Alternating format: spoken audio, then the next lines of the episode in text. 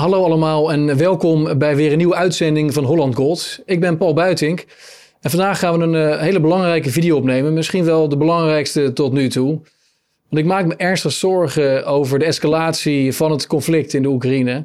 Uh, ik maak me met name zorgen over een mogelijke escalatie richting een nucleaire oorlog.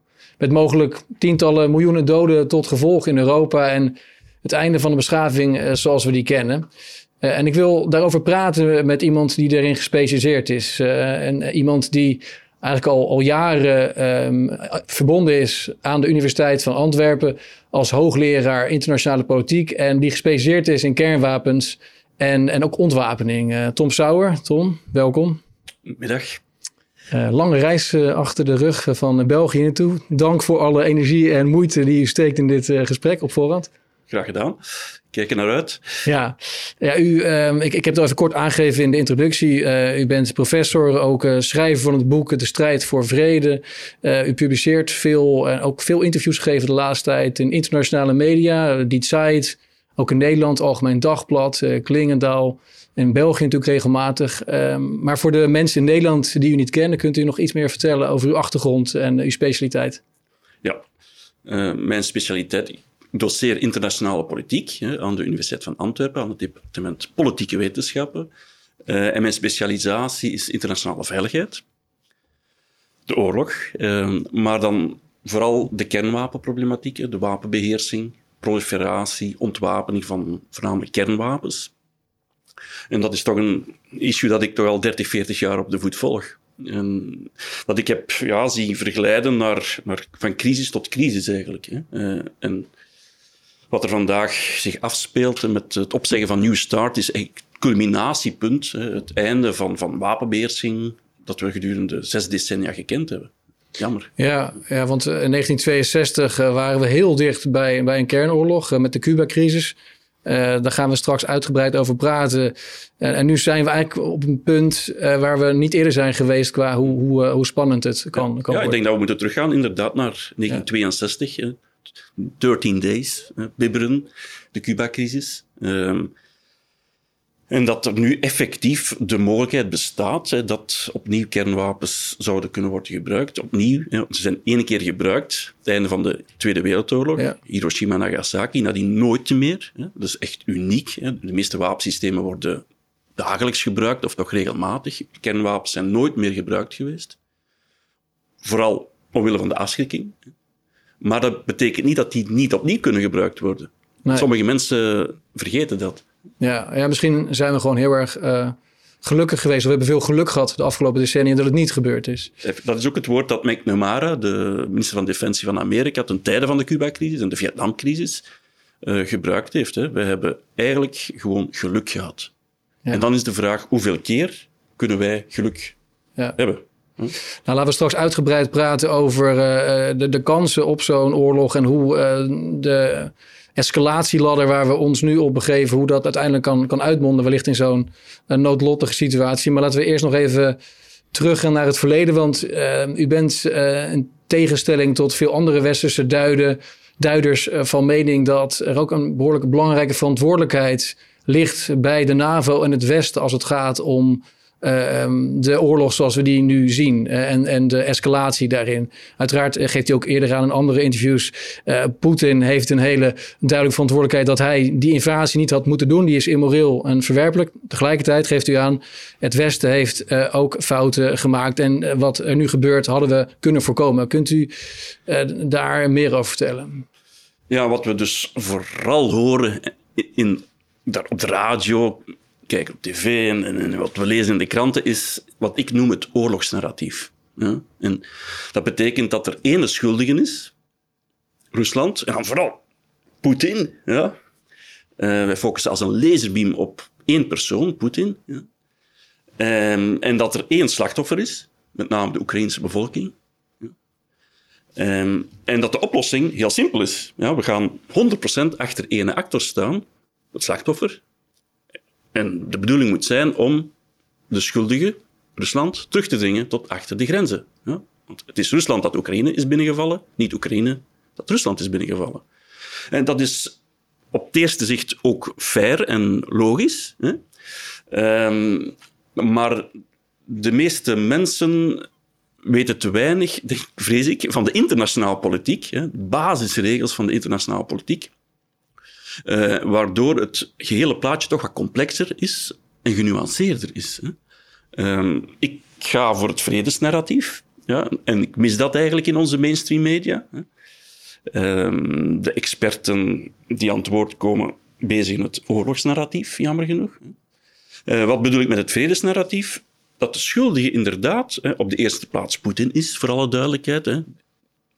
Men, valt geen andere landen aan. Dat zijn de regels die afgesproken zijn na de Tweede Wereldoorlog en gecodificeerd in het VN-charter. Um, dus die oorlog is niet alleen immoreel, illegitiem, en, maar dus ook illegaal. Hè. Um, maar ik vind, um, en ik ben niet de enige, hè, dat we moeten proberen te begrijpen waarom dat Poetin gedaan heeft wat hij gedaan heeft. Ik probeer ook mijn studenten dat uh, bij te brengen. Hè. Dat zijn toekomstige diplomaten, die moeten zich kunnen inleven, empathie, in de vijand. Ja. Uh, en dat is niet gemakkelijk. Hè. Mijn vrouw zegt dat ik dat niet goed kan in, in, leven, maar ik probeer dat nu toch te doen met, met Poetin en met Rusland. En dan denk ik dat er effectief wel degelijk uh, redenen zijn waarom Rusland zo kwaad is. Hè? En Poetin zelf ook zo woest op het Westen. Um, dus ik lees soms dat hij ziek is, of zot, of gek. Hè? Nee, Poetin is niet ziek, nog gek, ja? nog zot. Ja? Uh, hij heeft misschien een misrekening gemaakt door dat land echt aan te vallen. Ik denk dat dat overduidelijk is. Wat nog niet wil zeggen dat hij gaat verliezen. Maar uh, daarachter zit natuurlijk een kwaadheid gestoeld op belangen, ja, Russische belangen, die te lang genegeerd zijn geweest. Ja. En Russen voelen zich vernederd. Ja. En we moeten al teruggaan naar het einde van de Koude Oorlog. En de ontwikkeling nadien, waarbij Rusland eigenlijk interesse had om aan te sluiten bij die Europese veiligheidsorde, verschillende keren gevraagd heeft om toe te treden tot de NAVO, en dus niet enkel Gorbachev, Yeltsin, maar dus ook, en nu valt u van uw stoel, hè, uh, de anti-westers geboren KGB'er Poetin heeft in Brussel bij ons in 2001 gevraagd: mogen wij lid worden van de NAVO? En drie keer was het antwoord: niet, niet, niet. Ja, interessant. Want, want u gaf als in een ander interview aan dat het uh, normaal gebruikelijk is om na een oorlog, om de verschillende allianties die tegen elkaar vochten in die oorlog, om die op te breken en een nieuwe structuur te bouwen, waarin ook de verliezer uiteindelijk een zetel kan krijgen. En dat is gebeurd nadat Napoleon uh, verloor. Dat is uiteindelijk ook na de Tweede Wereldoorlog gebeurd. Na de Eerste Wereldoorlog niet, met desastreuze gevolgen. Maar na de Koude Oorlog ook niet. Kunt u dat verder toelichten? Ja. Ik heb niks tegen allianties, voor alle duidelijkheid. Zoals de NAVO. Dat is een alliantie, de Noord-Atlantische Verdragsorganisatie. Uh, zeker niet in tijden van oorlog. En zeker voor kleine landen zoals België en Nederland, zeer nuttig. Uh, dat is een collectieve defensieorganisatie, waarbij de kern van de zaak is dat als één land wordt aangevallen, alle andere landen dat ene land gaan helpen. Het probleem is dat allianties normaal gezien geacht worden opgehouden te bestaan in vredestijd. Ja? Um, de allianties van de Eerste Wereldoorlog zijn opgehouden te bestaan na de Eerste Wereldoorlog. De allianties van de Tweede Wereldoorlog zijn opgehouden te bestaan na de Tweede Wereldoorlog. De alliantie, het Warschau-pact, de tegenhanger van de NAVO, is ja. opgehouden te bestaan in 1991. De NAVO, heel bizar, hè? een aberratie in de wereldgeschiedenis, is voort blijven bestaan in de jaren 90. In vredestijd. En wat voor argumenten gebruikten de leiders in de jaren 90 dan om, om die NAVO in stand te houden? Goh, uh, Nieuwe vijanden on, on, onzekerheid. Hè, maar er is altijd onzekerheid. Nieuwe vijanden. Er waren geen vijanden op het eerste zicht. Hè. Men heeft echt moeten een zwarte bril opzetten en zoeken naar een nieuwe vijand. Nu, als je goed kijkt, vind je natuurlijk altijd een nieuwe vijand. De terrorist was natuurlijk op een gegeven moment... Uh, Milosevic was het eerst, hè? Uh, Joegoslavië. Uh, proliferatieproblematiek, Noord-Korea, Iran, Irak. en dan inderdaad die terroristen die ja. uit de torens vallen. Ideaal voor de NAVO. Hè? als legitimatie om te kunnen voortbestaan. hè. En de Russen, Sovjets, eh, hadden het heel moeilijk hè, met het voortbestaan van de NAVO. Terwijl hun eigen alliantie implodeerde, het Warschau-pact. Ja. Komt daarbij dat die NAVO dan ehm, uitgebreid is richting oosten, richting Rusland.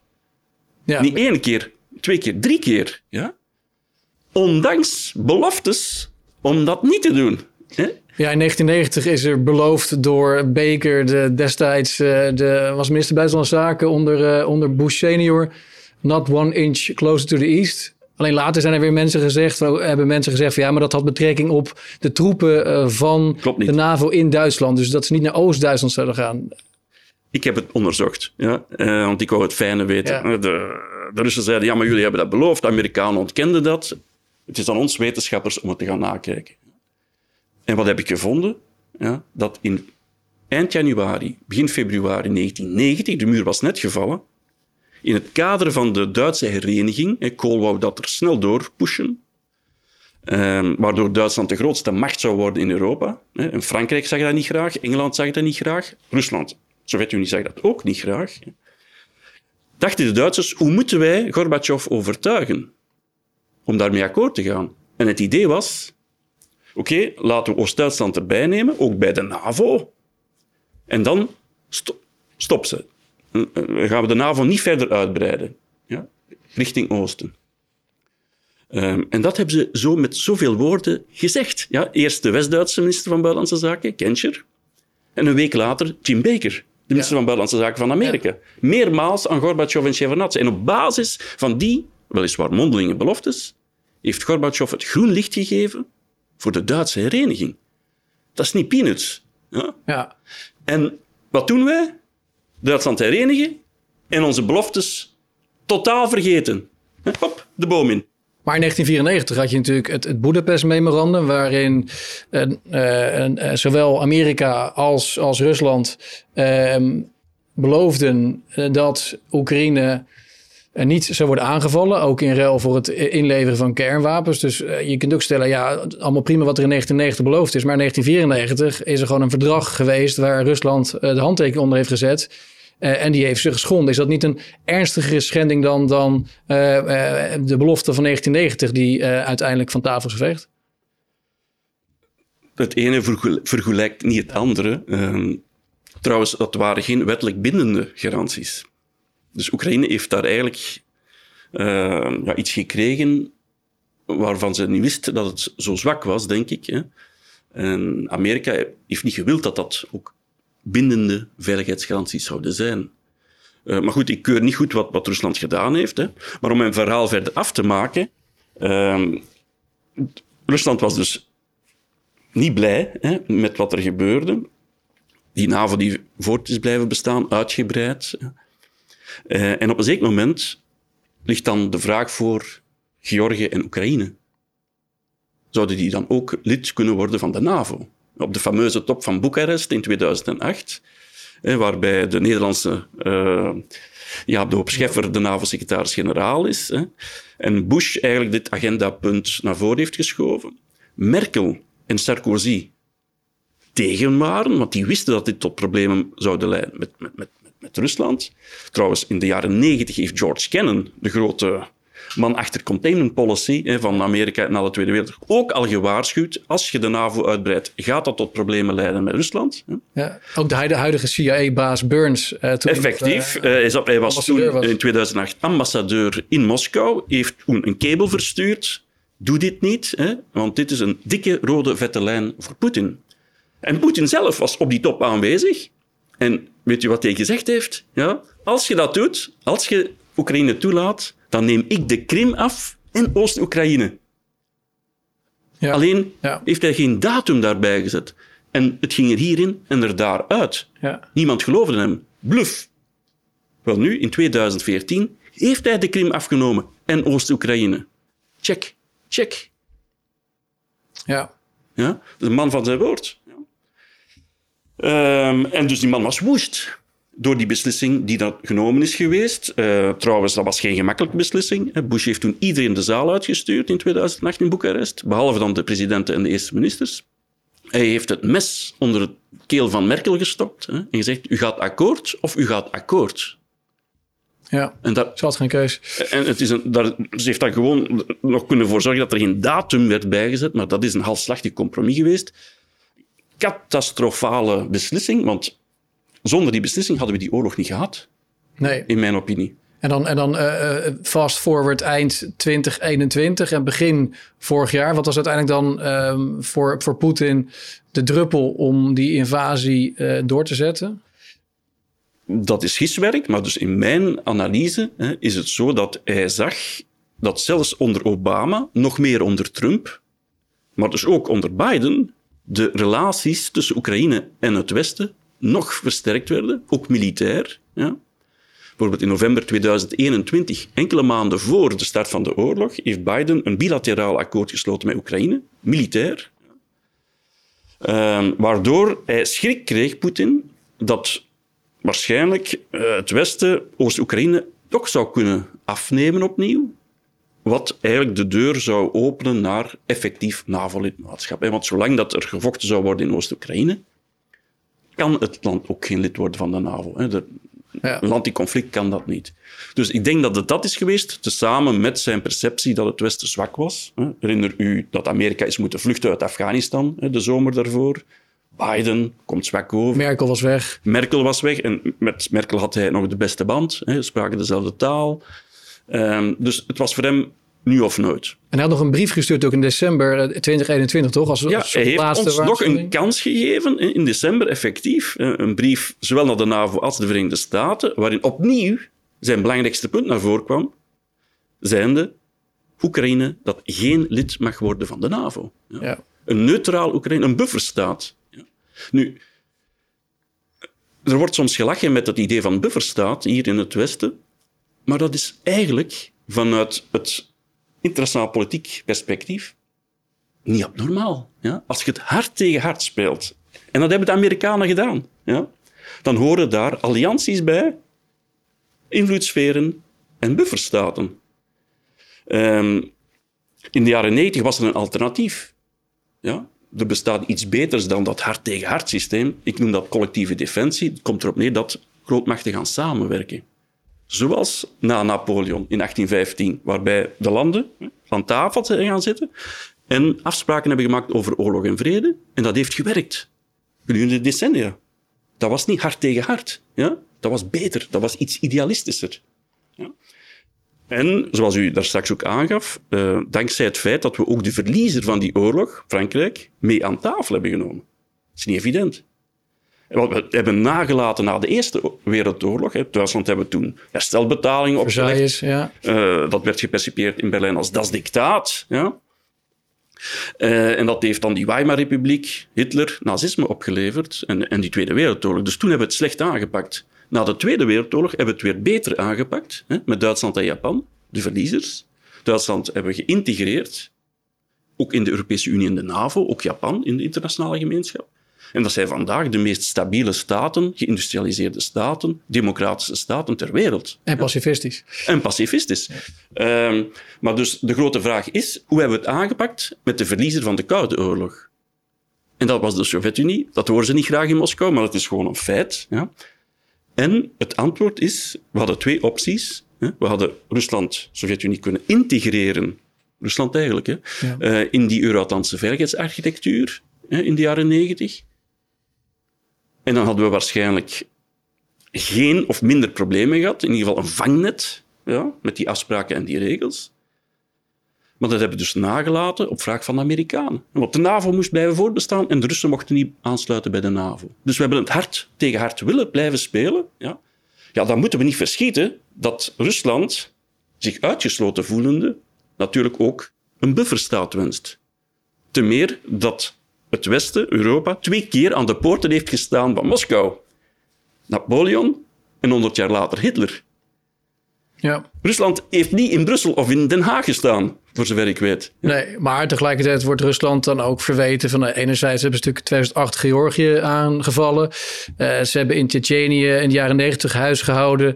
Uh, ze hebben uiteindelijk natuurlijk ook in Transnistrië, in Moldavië hebben ze een ding gedaan. Dus het is ook weer niet de. de um, het blijft toch ook een, een imperiale grootmacht met imperiale uh, ambities. Weliswaar misschien wat kleiner dan hoe de VS dat de afgelopen decennia heeft gedaan. Maar... Nogmaals, ik ga Poetin hier niet nee. verdedigen. Hè. Ik zou ook niet willen leven in, in het Rusland van vandaag. Hè, eh, waar ik ook geen opiniestukken zou kunnen schrijven. of deze lezing ja. of, of dit interview zou kunnen geven. Um, Tsjetsjenië, dat is binnenlandse politiek. Hè. Ja. Um, maar als we het houden bij de buitenlandse politiek, ja, zie ik natuurlijk een gefrustreerd Rusland, dat kleiner was dan de Sovjet-Unie in de jaren negentig, akkoord. Ehm, maar te zwak om veel te doen. Ja. Ehm, maar de vraag is, eh, de meesten vandaag, de verklaring voor de oorlog vandaag, dat is, heeft het te maken met macht, zoals u nu aangeeft, imperialisme, wat we meestal horen in de mainstream media. Rusland wil terug naar de Sovjet-Unie, naar het Zarenrijk, expansionistisch, imperialistisch. Uh, de vergelijking met Hitler wordt soms gemaakt. Hè. Ook de Baltische staten zouden nu moeten vrezen, of, of zelfs Polen. Hè. Ja. Um, dat is één verklaring. Een andere verklaring is, en die bezig ik, die heeft niet zozeer te maken met macht. Ja. Die heeft te maken met een gevoel van onveiligheid, met veiligheid. En vandaar die noodzaak voor die bufferstaat. Ja, ik denk veiligheid een heel belangrijk aspect is. Maar uh, als je kijkt naar Oekraïne en Oost-Oekraïne, bevinden zich heel veel uh, zeldzame metalen bijvoorbeeld. Uh, dat is met name als het gaat om de productie van batterijen en dergelijke, is het best prettig om die zelf te, te, te, bezitten. Dat geldt zowel voor Oekraïne als Europa, maar ook waarschijnlijk voor Rusland. Is, is dat, zou dat ook een factor kunnen zijn voor, voor Rusland om geïnteresseerd te zijn in die regio? Er zijn meerdere verklarende uh, variabelen. Er zijn meerdere factoren die dit geheel kunnen verklaren. Uh, maar we moeten eigenlijk kijken naar de voornaamste verklaring. Hè. Wat u zegt speelt misschien wel mee. Een andere verklaring is ook, dat wij nog niet hebben vernoemd, het feit dat hij schrik had dat democratisering zou overwaaien vanuit West-Europa naar Oost-Europa, naar Oekraïne ja. en zo naar Rusland. Als dat mocht gebeuren, herinner u de kleurenrevoluties, gefinancierd door het Westen. Uh, ja, dan moeten die mannen in het Kremlin opkrassen. Dat willen ze natuurlijk niet. Dus dat heeft ook waarschijnlijk wel meegespeeld. Ja. En ook die machts, uh, dat machtselement. Maar dus als we dan toch die analyse maken, dan moeten we echt gaan focussen op wat is nu de voornaamste verklarende Ja, factor. dat is een veiligheid. Uh, en, en dan kom ik uit bij, bij veiligheid. Ja. ja. En hadden we dus rekening gehouden met die belangrijke veiligheidsvraag vanuit Rusland, en Oekraïne niet proberen in het, de westerse orbit te trekken, hè, nog door de NAVO, nog door de Europese Unie, ja, dan was dit niet gebeurd. Ja? Nee. En wij, nogmaals, Merkel en Sarkozy hadden dit voorzien, die problemen. Ja? Uh, en, en, en, maar Bush heeft zitten duwen en dan, zoals het meestal gaat binnen de NAVO, hè, wij strubbelen tegen Europeanen, maar puntje bij paaltje geven we toe. Ja. En nu komt dat als een boemerang in ons gezicht terug. Ja? Die, die vluchtelingen komen, die komen naar Europa, die zitten niet in Amerika. De inflatie is hoog in Europa, niet in Amerika. Ook wel hoog daar, maar niet zo hoog als hier. Niet zo hoog ja. als hier. Dus ja. Ah ja, we hebben ons laten doen. En we moeten toch, denk ik, naar de toekomst toe ons afvragen... Zijn onze belangen dezelfde als die van de Amerikanen? En soms zijn die hetzelfde, soms lopen die parallel, maar soms ook niet. Nou, als, je, als je kijkt alleen naar, naar, de aanslag op de Nord Stream pijpleidingen en uh, wie het gedaan heeft, blijft tot op de dag van vandaag onzeker en wellicht zul je het nooit weten. Maar uh, Seymour Hersh, die bekende journalist, die wijst heel duidelijk naar de Verenigde Staten. Ook daar kun je weer kritiek op hebben, want een aantal uh, feiten had hij niet juist waarschijnlijk. Maar ik ken ook mensen die zeggen, ja, waarschijnlijk was het bijvoorbeeld Polen. Die zit heel dicht bij de pijplijn en die heeft er veel belang bij om Rusland en Duitsland elkaar uit te, spelen. Um, maar dat Rusland het gedaan heeft, lijkt me zeer onwaarschijnlijk. En dat is ook al bevestigd volgens mij door de Duitse onderzoekscommissie. Maar daar zie je ook al heel duidelijk dat het belang van Europa en VS gewoon niet uh, hetzelfde is. Uh, eh, VS heeft er belang bij om veel LNG in Europa te kopen. En Europa heeft belang bij goedkoop gas vanuit Rusland. Hm? Uh, wat, wat, Duitsland gedaan heeft, hè? goedkoop gas kopen in Rusland, wat is daar verkeerd aan? Ja? ja? Dat is toch normaal? Iedereen probeert toch het zo goedkoop mogelijk te maken voor zichzelf. Ja. we zijn daardoor wel afhankelijk geweest van Rusland of Duitsland en, en Europa. Maar dat geldt dus ook voor andere landen. We zijn jarenlang, decennia lang afhankelijk geweest van het Midden-Oosten. En nog steeds. Ja. Ook Amerika. Um, dus we moeten als Europa eigenlijk in, die zin uh, meer ons eigen belang nastreven. En, en we hebben te veel de afgelopen jaren waarschijnlijk gewoon aan de leiband van de, van de VS uh, gezeten. Um, Europa heeft ook een aantal kapitale fouten gemaakt in het verleden waarschijnlijk. Dus met name 2014, uh, de, de revolutie, um, maar ook de coup eigenlijk. Hè? Want Janukovic um, was um, uh, op, op een juiste wijze aan de macht gekomen, maar mede door financiering en, en, en, en hulp vanuit het Westen is daar een, een, een revolutie uh, in gang gezet en uiteindelijk is daar een ander bewind gekomen. Tegelijkertijd uh, stel ik van oké, okay, uh, ieder volk heeft recht op zijn eigen leiders en als, als het volk daar in opstand komt, dan, dan kan het ook iets moois zijn natuurlijk. Ehm, maar hoe, hoe, kijk jij naar die ont, ontwikkelingen toen? We hadden ja. natuurlijk de Belg Verhofstadt en de Nederlander van Balen die het publiek daar um, ja. opjut op Maidanplein. ja, drie dagen later waren ze weg toen dat er honderd, honderd mensen zijn afgemaakt. Hè? Ja, ja, ja. Um, nee, het is een verschrikkelijke episode. Um, en toen was het niet de NAVO, hè, maar de Europese ja. Unie. Ja, want die vergeten we misschien te vaak, maar dus ook de Europese Unie heeft fouten begaan. Hè. En vandaag maakt ze die opnieuw. Hè, met Ursula, hè, heel emotioneel, met veel traantjes en bezoeken aan, aan, aan Kiev. Um, ik kom daar zelfs op terug. Maar als we teruggaan naar 2013, was er daar het voorstel vanuit Brussel hè, om een Trade and Association Agreement met Oekraïne te onderhandelen. Wat eigenlijk betekende om Oekraïne in de westerse economische orbit te krijgen. Nadat dus eerder de NAVO al beloofd had dat Oekraïne bij de NAVO zou kunnen komen.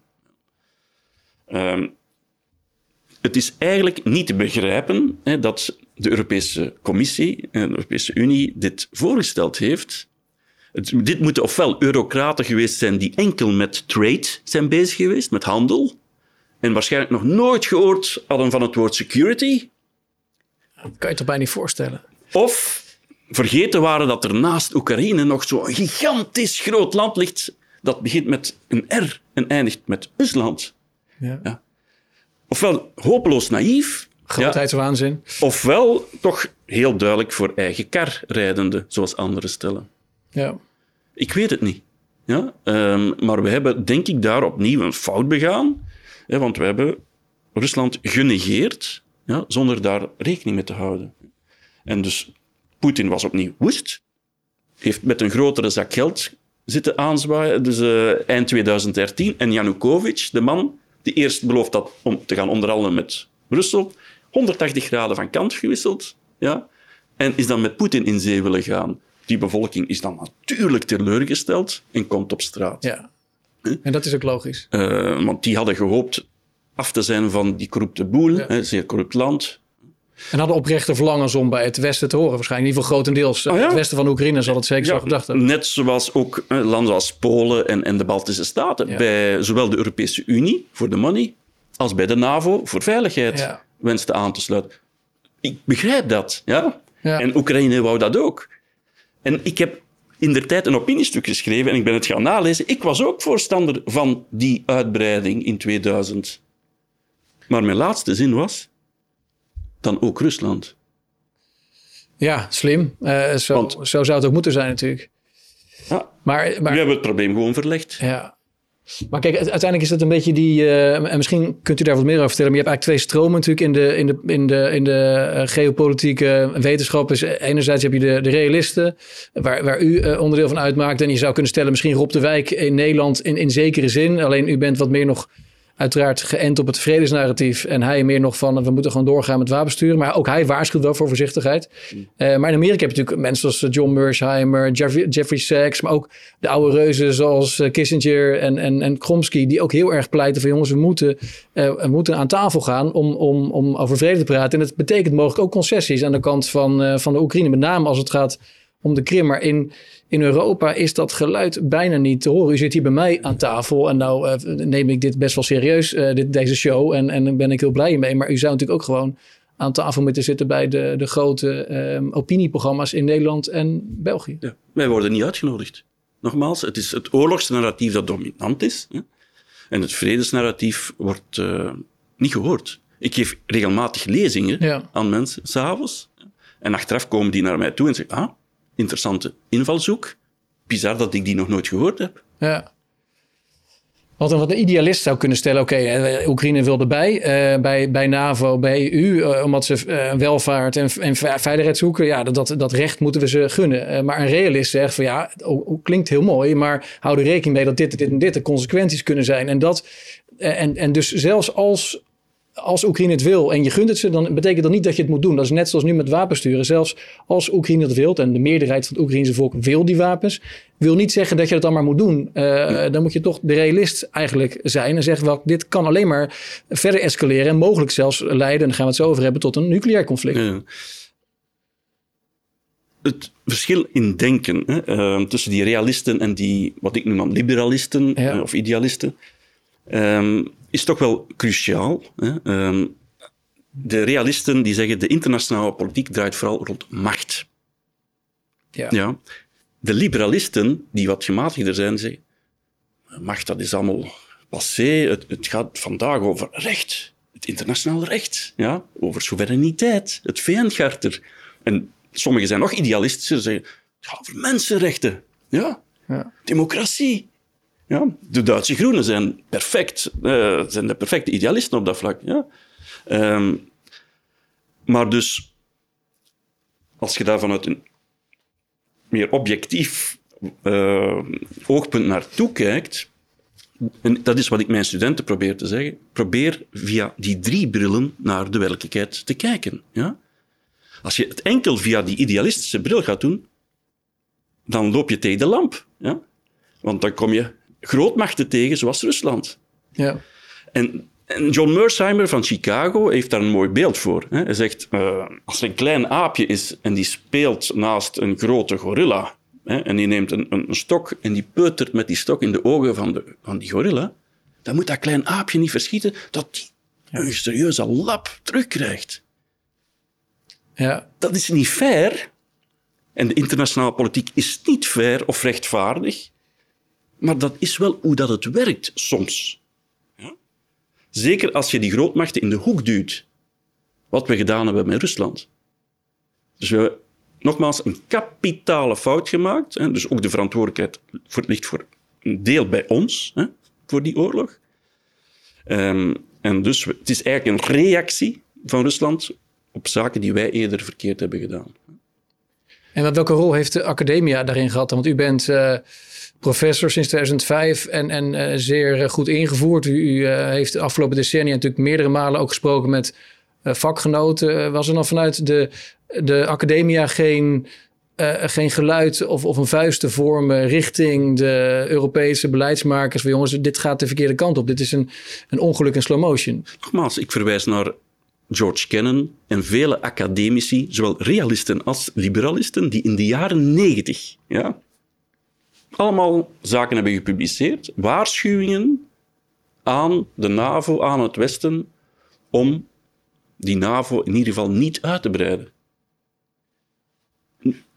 Net zoals epidemiologen voorspeld hebben dat er zoiets ging aankomen als een corona, Ja. COVID. Uit een eh, lab, weten we nu. uit een lab of Ja. niet uit een lab, het maakt allemaal niet uit. Het, is, het werd, er zijn waarschuwingen verstuurd. Jaren geleden. Onze politici hebben het niet willen horen. Nee. Wij hebben in de jaren negentig voorspeld dat dit tot problemen zou leiden. Onze politici hebben het niet willen horen. Ja. En laten we dan nu de scenario's eh, doornemen eh, van hoe het conflict zich gaat ontvouwen. Ehm, en niemand heeft natuurlijk de, de toekomst in pacht. eh, maar onze minister van Buitenlandse Zaken Hoekstra bijvoorbeeld in Nederland, die gaf recent aan van nou, het, eh, waarschijnlijk zijn we nog niet eens halverwege. Ehm, eh, er wordt al een tijdje gesproken natuurlijk over een nieuw offensief dat zou komen. Nou het grappige is dat mensen eh, zeggen dan in het Westen, ja, Rusland gaat een offensief starten, het winteroffensief. Rusland zelf heeft er nog niets over gezegd en, en doet dat dan vervolgens ook niet. Dus dat zijn ook vaak eh, dingen die wij dan bedenken. Uh, waarschijnlijk is het ook weer onderdeel van de, van de propaganda die aan beide kanten wordt gevoerd. Um, maar hoe, hoe, hoe, verwacht u zelf dat de oorlog uh, de, zich gaat ontvouwen de komende tijd? Ja, niemand kan de toekomst voorspellen. Ik ook niet, jammer genoeg. Uh, dus veel zal afhangen van wat er op het terrein gebeurt. Maar vandaag lijkt het erop dat we in een ja, fase zijn beland waar dat er een impasse is. op het terrein. Een soort stellingenoorlog, loopgravenoorlog, zoals de Eerste Wereldoorlog bij ons. Hè. Ja. Eh, in Verdun natuurlijk, Verdun en ja. Yper, eh, Vlaanders-Field. Waardoor het inderdaad jaren kan duren. Hm? Eh, laten we hopen van niet. Hè. Ehm, maar op zich is dat ook niet zo slecht, want uiteindelijk moeten de twee strijdende partijen inzien dat verder vechten geen zin meer heeft. En op dat moment wordt het mogelijk om een politieke oplossing uit te dokteren hè, aan de tafel, aan de onderhandelingstafel. Want elk conflict, elke oorlog, of je het nu graag hebt of niet, moet aan de onderhandelingstafel worden uitgevochten.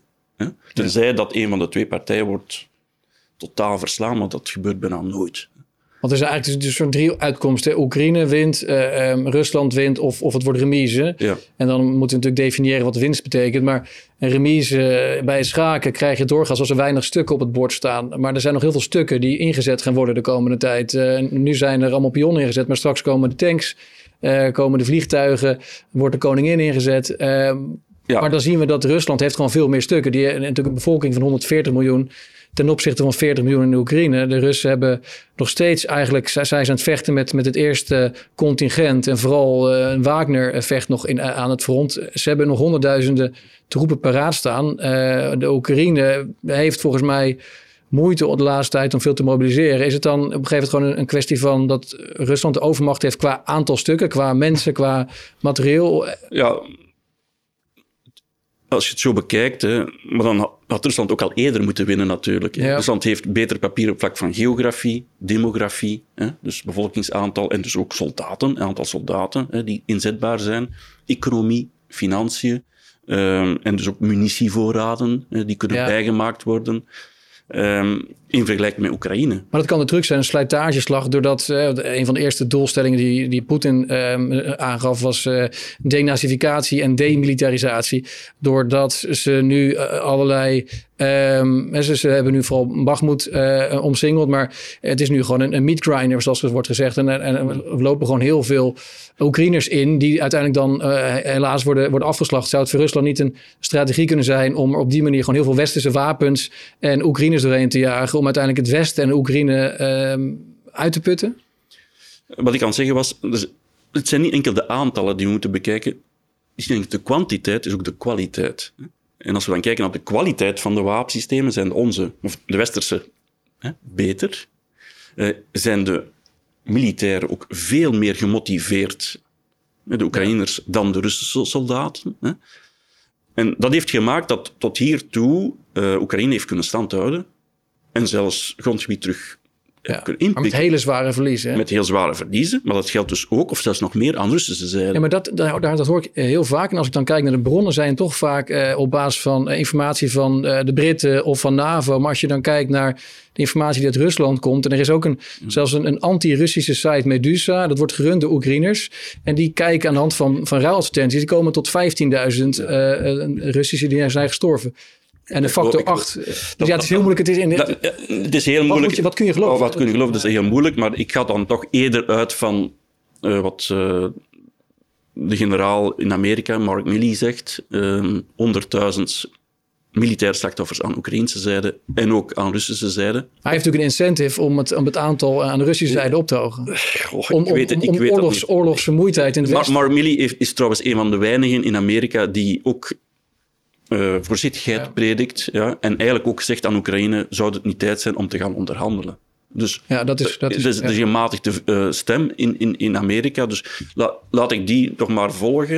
Eh het doet er eigenlijk ook niet zo toe. hè. Het is nu 10.000, 50.000 of 100.000. Het zijn er veel te veel. Ja, maar ik denk uite- uiteindelijk ehm, eh, voor, voor het Westen om, om met wapenleveranties door te gaan, is het belangrijk dat het narratief ehm, blijft bestaan dat de Oekraïne aan het, aan, het, aan het winnen is. En dat er eh, heel veel slachtoffers vallen aan Russische zijde. Als, als blijkt dat het aantal slachtoffers aan de Russische zijde enorm meevalt, maar, eh, maar gaan gigantisch veel Oekraïners dood, dan, dan, dan zal die oorlogsvermoeidheid eerder, eerder gaan ontstaan. Eh, want in Ja, maar de- tot, tot hiertoe is dat niet gebleken. Eh, er is een impasse nu. Ja. De, de Russen kunnen ook geen voortgang maken, hoor.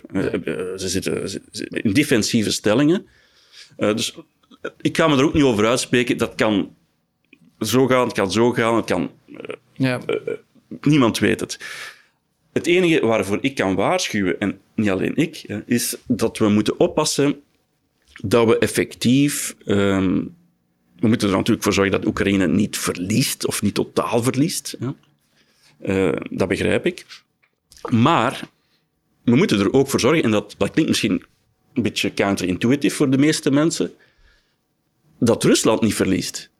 In de zin van, als we Rusland terugduwen tot de Russische grens, wat op het eerste zicht het meest rechtvaardig zou zijn, ja, dan heeft Poetin en Rusland een gigantisch probleem. Want die hebben geweldig veel, hij zelf heeft geweldig veel politiek kapitaal geïnvesteerd in deze oorlog. Dus die man overleeft dat waarschijnlijk zelfs niet. Ehm, hij gaat niet terugwandelen naar zijn Kremlin en zeggen: Sorry, ik heb mij vergist. Maar theoretisch zou dan een, een, iemand aan de macht kunnen komen die juist vrede wil en, en de orde wil stoppen. Eh, of denkt dat de kans groot is dat er een nog grotere havik Er zijn, er zijn inderdaad dus mensen die denken dat er dan nog Ja. meer extremistische mensen aan de macht zouden kunnen komen. Hè? Nog nationalistischer dan Poetin. Hè? Dat weten we dus ook Nee. niet op voorhand. Nee. Ehm, alleen denk ik, en weet ik zeker, hè, dat zo'n grootmacht die daar zoveel in heeft geïnvesteerd, ook qua mensenlevens, ehm, en, en, en ze eigenlijk zegt van, ook nu aan Amerika met een nieuwe start op te zeggen van, allemaal niet belangrijk, voor mij telt er maar één zaak, dat is die oorlog. Ja. Maar nu, als ze dan die oorlog verliezen, dat gaan ze niet laten doen. Ja? En dan, dan moeten we kijken, wat heeft die man nog achter de hand? Ja. Wat heeft Rusland nog achter de hand? En dan komen we vrij snel bij die kernwapens uit, jammer genoeg. Ja? En ik denk eh, dat als zij zo een tactisch kernwapen zou inzetten, en dat is geen klein kernwapen, hè, voor alle duidelijkheid, want in de media eh, zegt tactisch is klein. Nee, de tactische kernwapens van Rusland hebben een destructievermogen van 100 kiloton. En eh, als, als je dat vergelijkt met bijvoorbeeld eh, een- een- Hiroshima? Hiroshima. Zevenmaal de kracht van Hiroshima-bom. Ja. Ja, dat is geen kleine bom. Dus, maar stel dat hij dat toch zou doen en durven, niemand weet het, ja, dan denk ik wel dat er hier in Europa vele mensen twee keer gaan nadenken over het beleid dat moet gevoerd worden ten aanzien van deze oorlog. Ja, en En dan denk ik dat die wapenleveringen subiet eh, stoppen. ja, ja. zullen stoppen. Ja, en dan, eh, kijk, als het tot zo'n eh, oorlog komt, dan eh, lopen Nederland en België nog eens extra gevaar. Omdat het een van de twee van de vijf NAVO-landen zijn, naast Italië, Duitsland en Turkije, die kernwapens op onze grond hebben staan. Ja, en, en we hebben in de jaren tachtig is er flink voor gedemonstreerd. Toen waren er 500.000 mensen op straat in, in Nederland. Maar waar zijn nu de demonstraties? Ja, heel interessant, boeiende vraag. Maar laten we hopen dat het niet zo ver komt. Hè. Eh, ik spreek niet over een, een aanval van Rusland op Europa. Want hij weet dat wij ook over kernwapens beschikken. En in principe kunnen we het dan terugsturen. Ook al is dat niet in ons belang, want waar eindigt dat? Hè? Complete annihilatie en destructie van, van Europa. Ja, met ja. tientallen miljoenen doden. En de wereld. Ja. Want dat, die mushroom cloud die blijft hier niet hangen. Nee, Eh, dan krijg je nucleaire dus, winter. eh, krijgen we een nucleaire winter. En dus dat geldt niet enkel in het gebied zelf, maar dus ook in Afrika enzovoort gaan ze de gevolgen voelen. Er zijn simulaties gemaakt. Het gebruik van 100 kernwapens. 50 Indiase kant, 50 aan Pakistaanse zijde. 100 is een fractie van het totaal, hè, want er zijn er 12.000 nog. Zou op meteen 30 miljoen slachtoffers maken, maar op langere termijn honderden miljoenen slachtoffers, tot 2 miljard mensen, omwille van de, het blokkeren van het zonlicht. En dus de temperatuursdaling en dus, Dus minder mensen maken zich zorgen over CO2-uitstoot en klimaatverandering. Terwijl de nucleaire winter toch wel de grootste klimaatverandering is die, Juist, juist. waar we risico op lopen. en een nucleaire winter is geen oplossing voor global warming. Nee, tussen haakjes. nee, nee, dat laten we dat hier andersom. duidelijk hebben. Ja. Maar dat, eh, een, eerder gaf u aan in een ander gesprek van oké, Rusland zou ook tactisch een test kunnen doen in eerste instantie. eh, waarbij ze geen slachtoffers maken, maar wel een heel duidelijk signaal afgeven. Ja, het fameuze salami-tactiek, eh, waarbij Rusland dat eerst conventioneel probeert te doen. Eh, als dat niet lukt, wat blijkbaar eh, ook in de feiten ook niet lukt, dan zou wij inderdaad kunnen denken aan een nucleaire test. Eerst misschien ondergronds. Nu, daarvoor moeten we al teruggaan naar begin jaren tachtig, de laatste ondergrondse test. Ja. Ja, dus als dat zou gebeuren, en er is ook ja, nu met Nieuwe Start op te zeggen, geïnsinueerd dat dat misschien een mogelijkheid is, en dat er opnieuw testen worden gedaan. Langs de Amerikaanse zijde zei Poetin dan, als zij dat doen, dan gaan wij dat ook doen. Nu, nou, hij zou kunnen beginnen.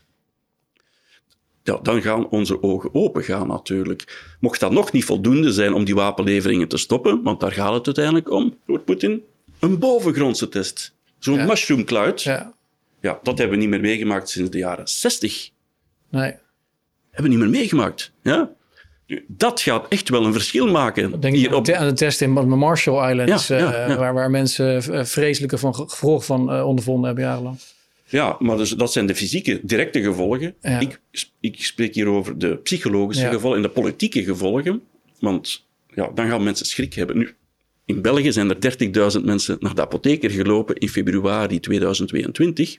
Bij, de eerste, Ja, bij het eerste voor jodiumtabletten zo. Eh, ja, ja, de eerste dreiging van die, van die kernwapens voor jodiumtabletten. Ja. Dus wat gaat dit opleveren als zij zo een test doorvoert? Ja? ja, nee, dat is... Dat En als het dan nog niet werkt, ja, dan, dan, dan eh, een tactisch kernwapen op Oekraïne. Ja, maar wat is dat, dat, dat nieuwe start? Kunt u dat nog even uitleggen? Want dat is eh, voor veel kijkers wellicht niet helemaal duidelijk. Wat was dat voor verdrag en waarom is het belangrijk dat Poetin in zijn speech vorige week aangaf dat tijdelijk op te schorten? Ja, New START is het laatste overgebleven bilateraal ontwapeningsverdrag tussen Amerika en Rusland. Ja. Dat is gesloten door Obama in der tijd en, en, en Medvedev, 2010. Eh, en eigenlijk ja, de opvolger van de START-verdragen van de jaren 90, die op zijn beurt, op hun beurt, eh, de opvolger waren van de SALT-verdragen van de jaren 70. Dus we hebben eigenlijk sinds de Koude Oorlog, toen het ook gigantisch moeilijk was tussen die twee grootmachten, en toen er wel aan wapenbeheersing gedaan werd, ehm, hebben we die wapenbeheersingsverdragen gehad eh, tot op vandaag. En nu, voor de eerste maal sinds begin jaren 60, bestaat de mogelijkheid dat we in een soort nucleaire anarchie terechtkomen, waarbij geen enkel wapenbeheersingsverdrag nog bestaat. Het INF-verdrag over de middellange afstandsraketten in Europa is in de prullenmand gegooid door Trump. Open Skies Treaty over transparantie is in de prullenmand gegooid door Trump. Het ABM-verdrag over missile defense, het raketafweer, is door Bush al in de prullenmand gegooid in 2001. Dus enkel dat New START bestond nog, Ja. of bestaat nog. En dat heeft Poetin nu vorige week opgeschort. Waarmee hij waarschijnlijk heeft willen zeggen aan Amerika: ik kan u raken in iets wat u graag hebt. Ja, want Am- Amerika koestert wel die wapenbeheersingsverdragen. En, zoals hij daarnet al zei, denk ik dat hij ook het signaal heeft willen uitsturen van voor ons is niks meer belangrijk. Behalve één ding. Oekraïne. Ja. Ja. Want eh, uiteindelijk eh, eh, hebben we net eh, even kort gesproken over, over die, verschillende scenario's. Je, je hebt dan remise of wat een soort van frozen conflict eh à la Korea, waarbij partijen elkaar naar het leven staan, maar er is verder geen territoriale winst meer. Rusland blijft in de zone waar ze nu zitten. Oekraïne claimt 80% eh, van, van de rest. Of, of claimt de rest, dat is 80% van het land. Ehm, dat, dat zou dan jarenlang zo door kunnen gaan. En eh, anderzijds heb je dan winst voor, voor de Oekraïne. Dat zou betekenen gewoon volledig Rusland terugdrijft tot aan de grens. Maar ook de Krim dan, hè, dat wordt ook iedere keer genoemd. Maar volgens mij zelfs oppositieleider Navalny, die vastzit, Ja, ja. heeft aangegeven dat de Krim hoort bij Rusland. En Rusland heeft aangegeven, als de Krim wordt aangevallen, dan is het een aanval op moederland en kunnen ze eh, kernwapens inzetten. Ja, dus, ja. dus dat gaat, dus Krim is, is op, opgegeven wat, wat dat betreft. ik denk dat dat zeer moeilijk wordt. Ja. Dus het zou, het zou te risicovol zijn voor het, het Westen om, om toe te staan dat, dat de Oekraïne eh, Krim... ik, ik denk dat wij in het Westen ook die boodschap aan Zelensky al gegeven hebben. Ja. Zelensky is nog niet gedraaid, maar op een zeker moment gaat hij, gaat hij moeten draaien. Eh, en gaat hij aan de onderhandelingstafel moeten komen? Natuurlijk eh, probeert hij zo goed mogelijk aan die onderhandelingstafel te komen. Hè, daarom dat hij doorvecht. Ja, ja, en, en, en die posities inneemt die hij nu inneemt. Maar er gaan aan de twee zijden dan compromissen moeten gemaakt worden. Ja. Eh, hoe dat die juist eh, zullen zijn, dat kan, kan ik niet ins- inschatten. Hè. Maar als je alle puzzelstukken samenlegt, denk ik dat voor Rusland het belangrijkste is dat Oekraïne neutraal wordt. Een bufferstaat. Ja. En de Krim behouden. Tweede instantie. En, en de Donbass... De Donbass liefst ook, hè, maar daar kan dan misschien toch over onderhandeld worden. Ja. Dus eigenlijk ga je dan terug naar de Minsk eh, Ja, ja. eh. Eh, een soort gedemilitariseerde zone hè, met VN-troepen. Ja. Meer autonomie. Ja. Maar goed, wie, dat is opnieuw afhankelijk van hoe dat het op het terrein evolueert. Maar dat zou, voor wat u betreft, met, met uw uh, realistische uh, bril op en, en, en, uw kennis over internationale politiek, zou dat uiteindelijk de minst slechtste oplossing zijn? Want ja, er zijn eigenlijk geen goede oplossingen, maar dit zou de minst ja, slechtste Oekraïne kan een soeverein land blijven. Ja. Zelensky kan aan de macht blijven. Als hij verkiezingen uitschrijft, wint hij die grandioos, ja. want hij is de hero. Um, natuurlijk, is, Oekraïne zal een stukje verliezen.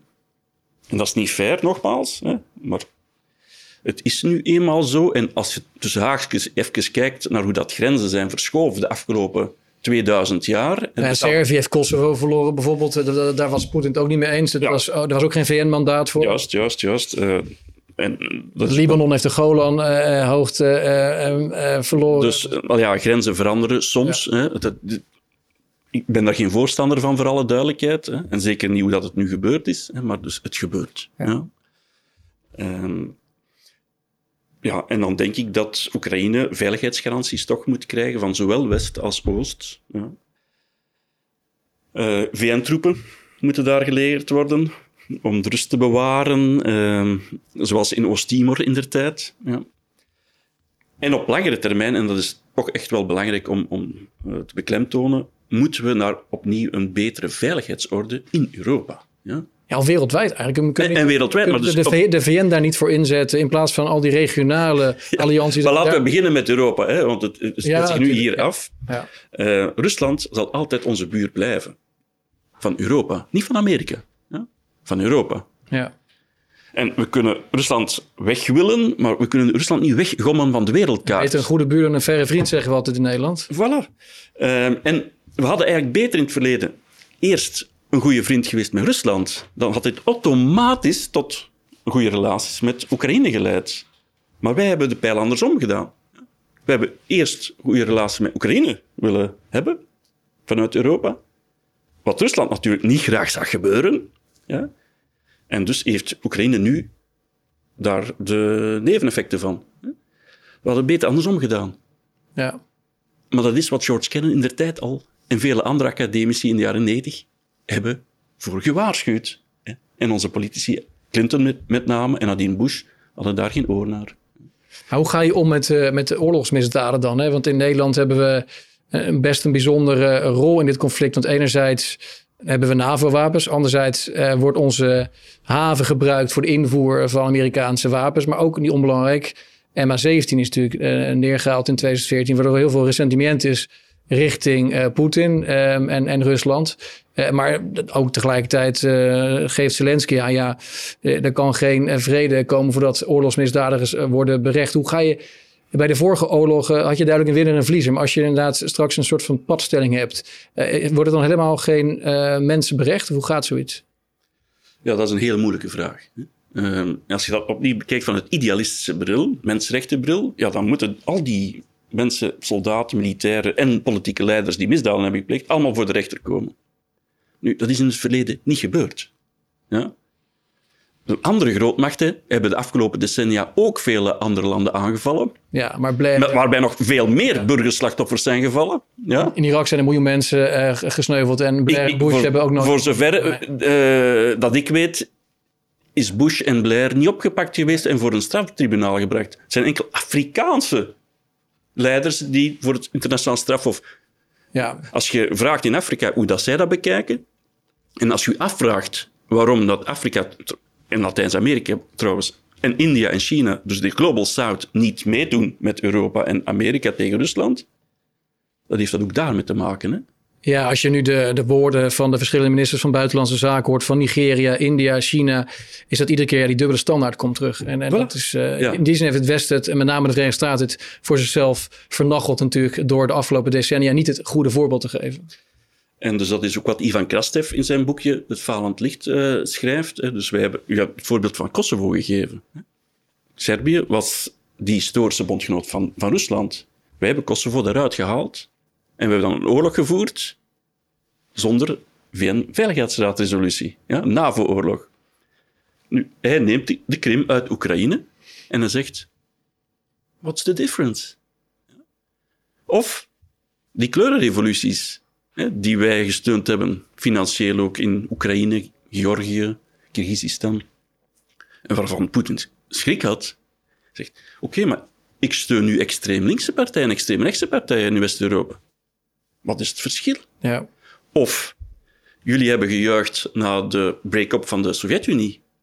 Ah, wel, ik heb champagneflessen laten aanrukken na de brexit. Ja. Jullie hebben gelogen over die NAVO-uitbreiding. Jullie gingen dat niet doen. Ja, herinner u? Ik heb het straks uitgelegd. Ja. Wel, ik heb gelogen over die inval in Oekraïne. Ja, het is een, het is a lie is a lie. Ja, kijk, aan beide kanten is er sprake van propaganda en leugens, waardoor het, waardoor het ook voor, voor de gewone burger natuurlijk niet meer te, niet meer te begrijpen is. Nog- Nog buiten Europa, in Europa, als je ook kijkt hoe, hoe met zo'n Nord Stream situatie wordt omgegaan, hoe er eh, binnen de mainstream media en ook door de politiek weinig aandacht aan wordt besteed, terwijl het natuurlijk fundamenteel is voor de toekomst van, van Europa en, en de NAVO. Ik, ik kan me niet voorstellen hoe, hoe, hoe een Duitse leider zich nu moet voelen. En, en zo'n Schulz, die wordt net als Merkel in het verleden, in 2008, wordt Schulz waarschijnlijk gewoon ook eh, enorm onder druk gezet eh, door Biden. Om maar vooral te slikken dat het gegaan is zoals het is gegaan. Eh, want er is geen, geen alternatief. Eh, anders dan verliest Duitsland de, de NAVO-steun van de VS. Ah, Ja, maar dus nogmaals, dan kom ik altijd terug op hetzelfde punt. Zijn onze Europese belangen identiek aan de Amerikanen? nee, dat is, dat is wel duidelijk nu. Ja. En dus hoe meer de, de macht van Amerika taant, denk ik, hoe meer dat onze belangen zullen verschillen van Amerika. Ja. Maar dan heel concreet, moeten we doorgaan met wapens? Eh, en zo ja, welke? Of, want als, eh, kijk, als we nu stoppen met wapens leveren, dan is er een, best een, een gerede kans dat de VS doorpakken. En hoe ver, of de Rusland doorpakt. En hoe ver denk je dat Rusland gaat? Medvedev zei van de week, we gaan als het moet tot aan de grens van Polen. Eh, wat, heb je daar geen zorgen bij dat Rusland dan... Kijk, ze zullen niet snel in, eh, aan de mer eh, in Antwerpen staan. Maar hoe, hoe, hoe ver zullen ze gaan? In Moldavië rommelt het. Ik, ik zeg niet dat we geen wapens moeten leveren. Hè? Nee. Ik zeg enkel dat we voorzichtig moeten zijn. En dat, dat is een, een dunne, slappe wat betekent dat voorzichtig? Ja, voorzichtig moeten zijn. We moeten zien dat Oekraïne niet verliest, maar ook niet te veel wint. Dus zoals Goudlokje, hè, dat verhaal, Ja. de pap niet te heet Nee. en ook niet te koud. Zo ertussenin, lauw. Ja? En, en dat is een moeilijke evenwichtsoefening, maar ik denk dat Biden daar zich zeer goed bewust van is. Ja? En dat ook relatief goed doet. Ja? Hij had nog voorzichtiger kunnen zijn in mijn ogen. Ja? Ehm, er worden nu tanks geleverd. Dat zijn er uiteindelijk maar enkele tientallen. Ja, en Rusland Die gaan het verschil niet maken. van duizend eh, tanks per jaar qua productie. En kan, kunnen van China natuurlijk meer Ik denk dat we op een zeker moment, en dat wordt nu al gefluisterd, dat moet hardop worden gezegd hè, aan Zelensky, van we geven u nog wapens op voorwaarde dat u aan tafel gaat zitten. Daar moeten we eigenlijk terechtkomen. En misschien gebeurt het op de achtergrond, maar dat weten wij natuurlijk niet, omdat we niet zien. Maar ik kan me zo voorstellen dat eh, China ik komt met een vredesplan. We weten eh, uit het verleden dat vorig jaar, een maand na de, na de invasie, dat er best wel eh, veel eh, progressie was gemaakt met, met, een, met een vredesbestand. Maar eh, uiteindelijk onder druk van de Amerikanen, dat hebben we later gehoord van de oud-Israëlische premier. Bennett. eh, eh, heb- hebben we die eh, onderhandelingen gestaakt. Terwijl Erdogan was dicht in de buurt, eh, Macron. Dus eh, zou het kunnen zijn dat ze op de achtergrond misschien nu weer eh, met elkaar aan het praten zijn zonder dat wij het weten? Het kan, laten we, laten we het hopen, maar Ja. ik vrees ervoor. Ik denk niet dat er veel gepraat wordt. Eh, ik zie het niet. En, en er komt toch wel altijd iets naar boven van die zaken. Ik vind het ook jammer bijvoorbeeld dat er dan toch een vredesinitiatief wordt gelanceerd. Nu door eh, China Ja. en India. En dat het meteen hè, wordt afgekraakt Ja, dat geen, door de eh, westerse media. zijn. En dat het in het belang is van China. Natuurlijk is dat in het belang van China. Wat is er verkeerd? Ja. Elk Vrede, land gaat vrede is in het belang van iedereen, toch? ja, Eh, ja. ja. maar natuurlijk ook in hun nationale belangen. Ja, dat begrijp ik. Maar dus, ze hebben meer gedaan dan te kijken naar hun nationale belangen. Ze hebben ook echt wel vrede willen maken. En, en dat wordt dan ja. neergesabeld door de westerse media. Ik vind dat jammer. Maar u heeft het over vredesnarratief versus oorlogsnarratief. U bent eh, van het vredesnarratief. U heeft zich in het verleden ook ingezet voor, voor Pax eh, Christi, volgens mij. Nog altijd. En nog altijd. Ehm, maar in het Westen, met name ook bijvoorbeeld door, door een Rutte en ook de Baltische Staten en Polen wordt gezegd. Nee, wij, wij hebben namelijk, wij hebben het vredesnarratief, namelijk je zult eerst oorlog moeten voeren en Rusland moeten verslaan om die langdurige vrede te krijgen. Eh, en dan Rutte verwijst naar München 1938, waarbij Hitler Sudetenland werd gegeven en uiteindelijk pakte Hitler door. Is, is dat die, de vrees die de Polen hebben, die de, de Letten, de Esten hebben, is, dat, die, is die vrees onterecht? Wat u maar, de, vrees is te, te verstaan natuurlijk, hè? Uh, vanuit historisch perspectief. Dat zijn landen die onder de knoet zijn gehouden geweest door de Sovjet-Unie, de Baltische Staten hoorden bij de Sovjet-Unie tegen hun zin. Dus ik begrijp dat natuurlijk dat zij niet terug willen naar die situatie. Maar we moeten alles in perspectief ook kijken en kijken naar de feiten. Wat bijvoorbeeld veel te weinig gezegd wordt in de massamedia, hier bij ons, is hoeveel dat er wordt uitgegeven aan defensie. Ja. Gewoon de feiten. Ja? Wel, als ik dat vraag aan de mensen, ze weten het niet, hoeveel dat wij uitgeven aan defensie. Ze zouden het moeten weten, want het zijn belastingbetalers. Ja. Wij geven elk jaar voor de oorlog in Europa 300 miljard euro uit aan defensie. Ja. Als Europa. Daar mag je dan de Amerikaanse bedragen bij, bij tellen, want we, we leven in de NAVO. Dus dat gaat dan, toen was dat 700, nu is dat al 850. Hè? Dus 1000 miljard, 1200 miljard dollar per jaar dat wij uitgeven aan defensie. En dan vraag ik altijd, weten jullie hoeveel Rusland uitgaf aan defensie? 60 miljard. Heel goed, Paul. Ja? Weggeslaagd.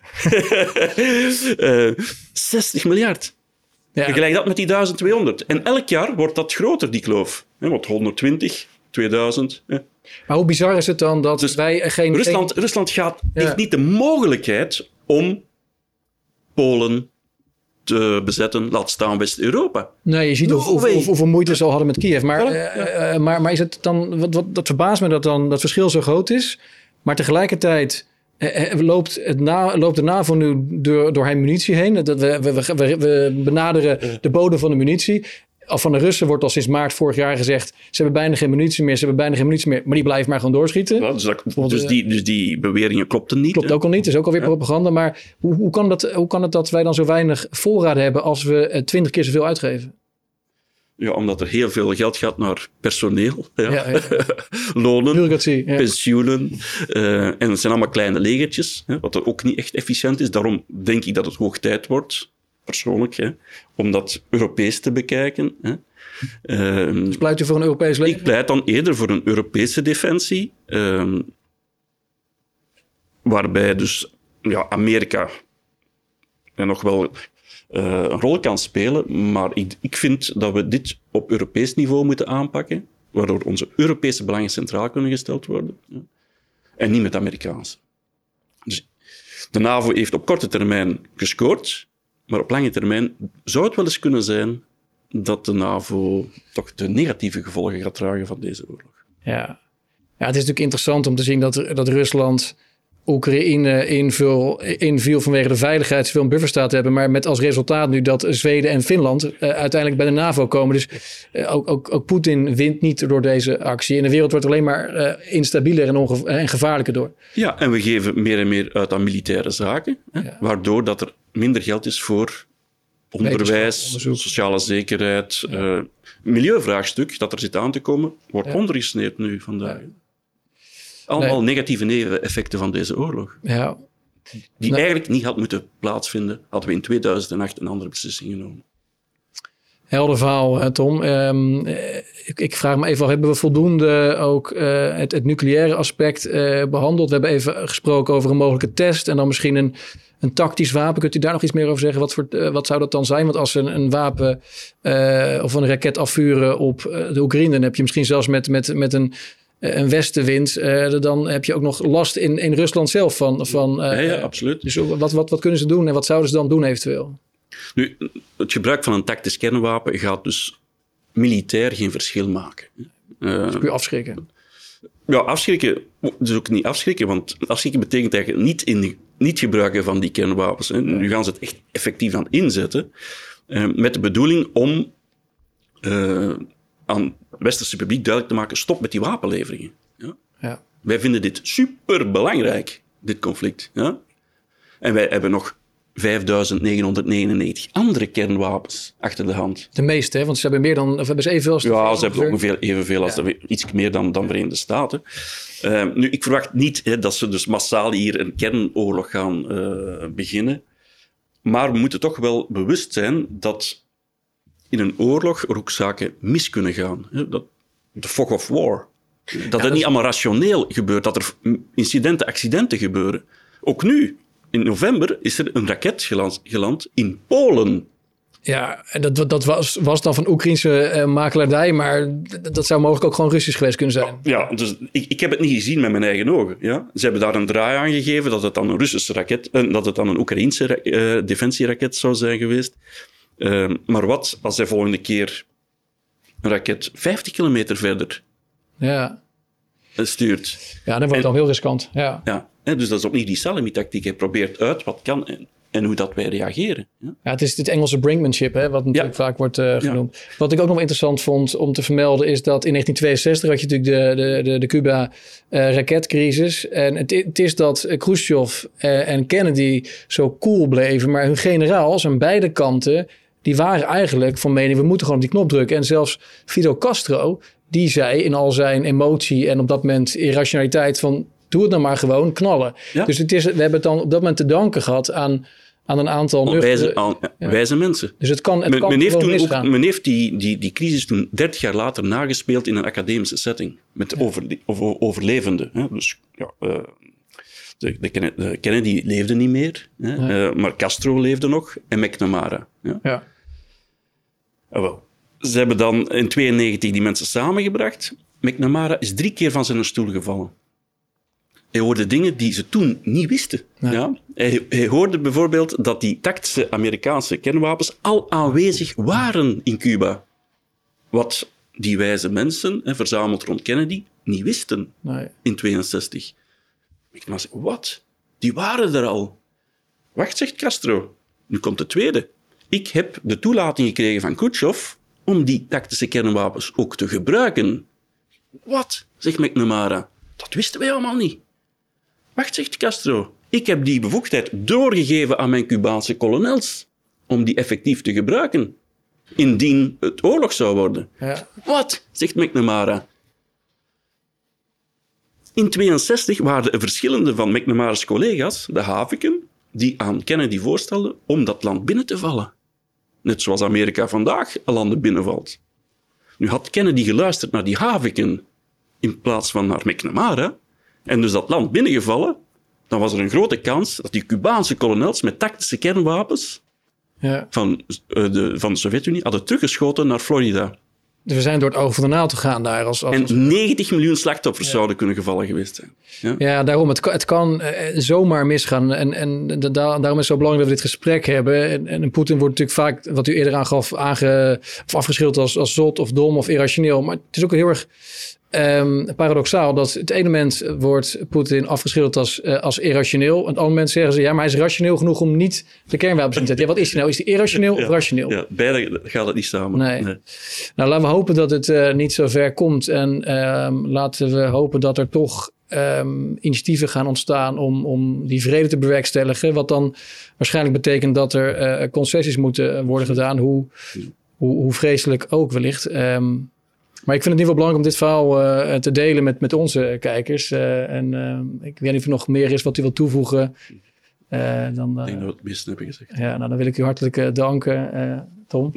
Bedankt voor het fijne gesprek. En nou, aan de kijker, hopelijk hebben jullie er wat van opgestoken. En ja, vergeet je niet te abonneren. En tot de volgende video.